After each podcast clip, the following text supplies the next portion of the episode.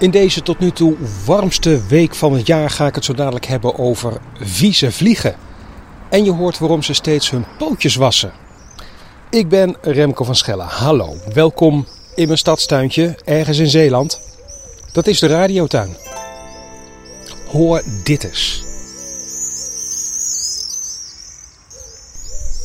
Dit heb ik opgenomen vlak buiten de radiotuin. Het geluid van de zomer. De gierzwaluw. En wat het zo apart maakte toen ik daar langskwam. Er vlogen er wel een stuk of twintig en het leek wel of ze een wedstrijdje deden.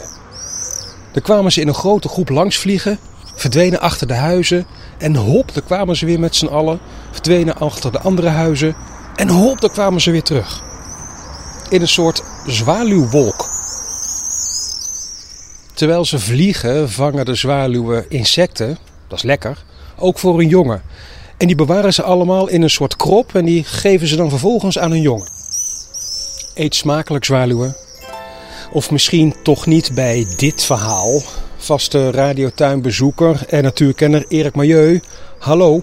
Goedemorgen Remco. Ja, de kat van de buren die laatst langskwam, die had een muisje gevangen. eh, Even mee spelen en daarna bleef hij liggen.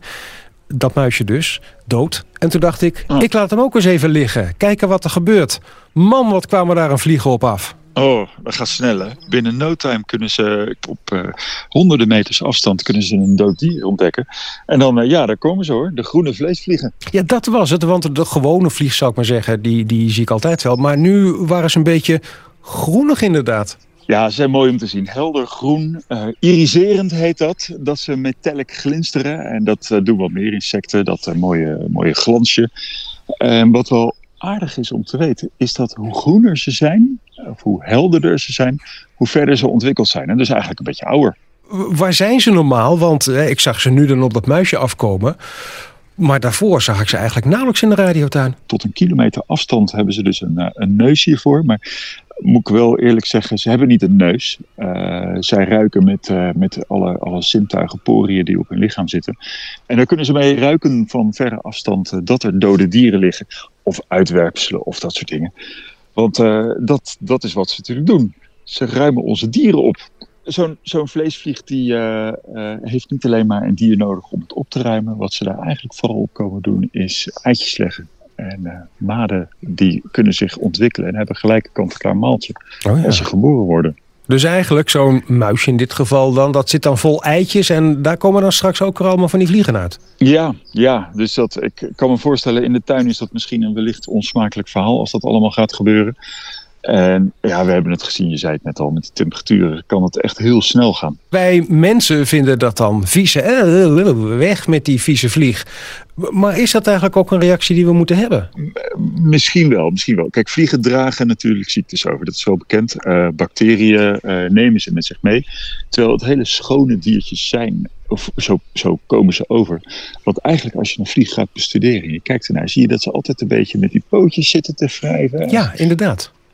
Eigenlijk zijn ze altijd zijn ze aan het poetsen. En dat, dat zijn ze ook dus letterlijk aan het doen, want dat moet altijd schoon. Ze hebben eigenlijk geen neus. Wat ze, wat ze doen is, ze, ze snuffelen met die pootjes eh, de omgeving af. En ook met die haartjes tasten ze af of de lucht beweegt. Of jij met je vliegenmapper aankomt bijvoorbeeld.